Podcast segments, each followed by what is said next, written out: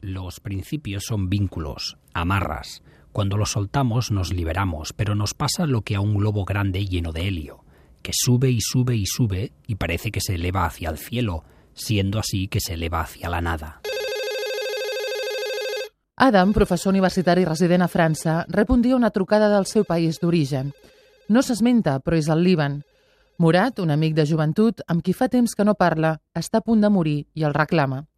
Adam decideix aprofitar el moment per restaurar velles ferides i recuperar relacions oxidades.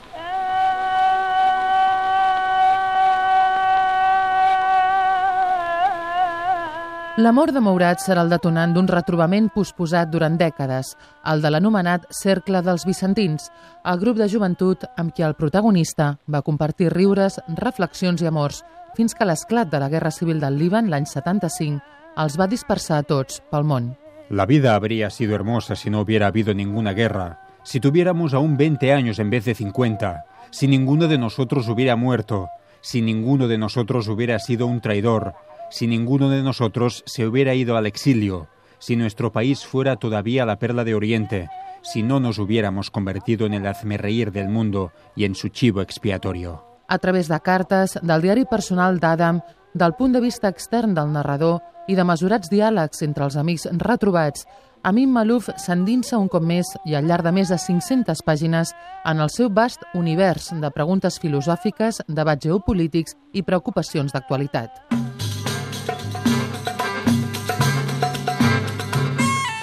L'exili és un dels temes predominants d'aquest llibre. L'exili i també el ressentiment entre els que van marxar i els que es van quedar. Los más listos son los que se fueron. Vas a sitios preciosos, trabajas, descubres el mundo, luego vuelves tras acabar la guerra. Te está esperando tu antiguo país y no has necesitado disparar ni un tiro ni derramar una gota de sangre. E incluso puedes permitirte no estrechar las manos que se ensuciaron. També hi està molt present la religió. Cada vez hay más personas para quienes la religión sustituye a la ética. Te hablan de lo lícito y de lo ilícito, de lo puro y de lo impuro. A mí me gustaría que se fijasen más en lo honrado, en lo decente.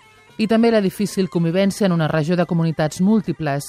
La llista de fet de temes és molt llarga. El matrimoni, l'amor, l'amistat, els ideals esmicolats de la joventut. Qui sigui l'actor de Maluf pensarà que són els seus temes de sempre. Sí, però més reposats i sempre amb un ull posat en l'actualitat.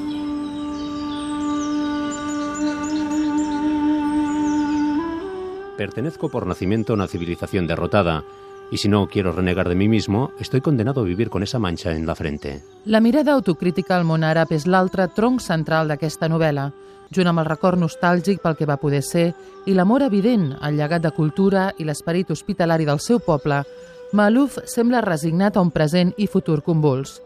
Avui, a l'escriptor libanès el preocupa l'ascens de l'islamisme radical sustentat en un discurs rancuniós i victimista contra Occident, i molt en especial la tensa relació entre Orient i Occident, exemplificada en aquest diàleg entre dos dels amics del llibre, Adam i Nidal, avui convertit en un islamista barbut en terminologia de Malouf. La relación entre ellos y nosotros no es igualitaria. Hace 400 años que no invadimos países de Occidente. Son siempre ellos los que nos invaden, los que nos tienen sometidos, nos colonizan y nos humillan. Intentemos entender por qué los otros ganaron y por qué perdimos nosotros. ¿Por qué pudieron invadirnos? ¿Por qué nos quedamos en el subdesarrollo, la vulnerabilidad y la dependencia? Al final, no quedará más remedio que mirar de frente nuestras carencias, nuestros defectos, nuestras invalideces. Superada ja la seixantena, l'autor d'obres tan conegudes com Lleó l'Africà, Samarcanda o la més recent Orígens destil·la en aquesta novel·la de final trist una certa desesperança, la de l'intel·lectual conscient que el tren del canvi va passar fa temps i que difícilment tornarà, i que tot i així no es rendeix. Más vale equivocarse en la esperanza que acertar en la desesperación.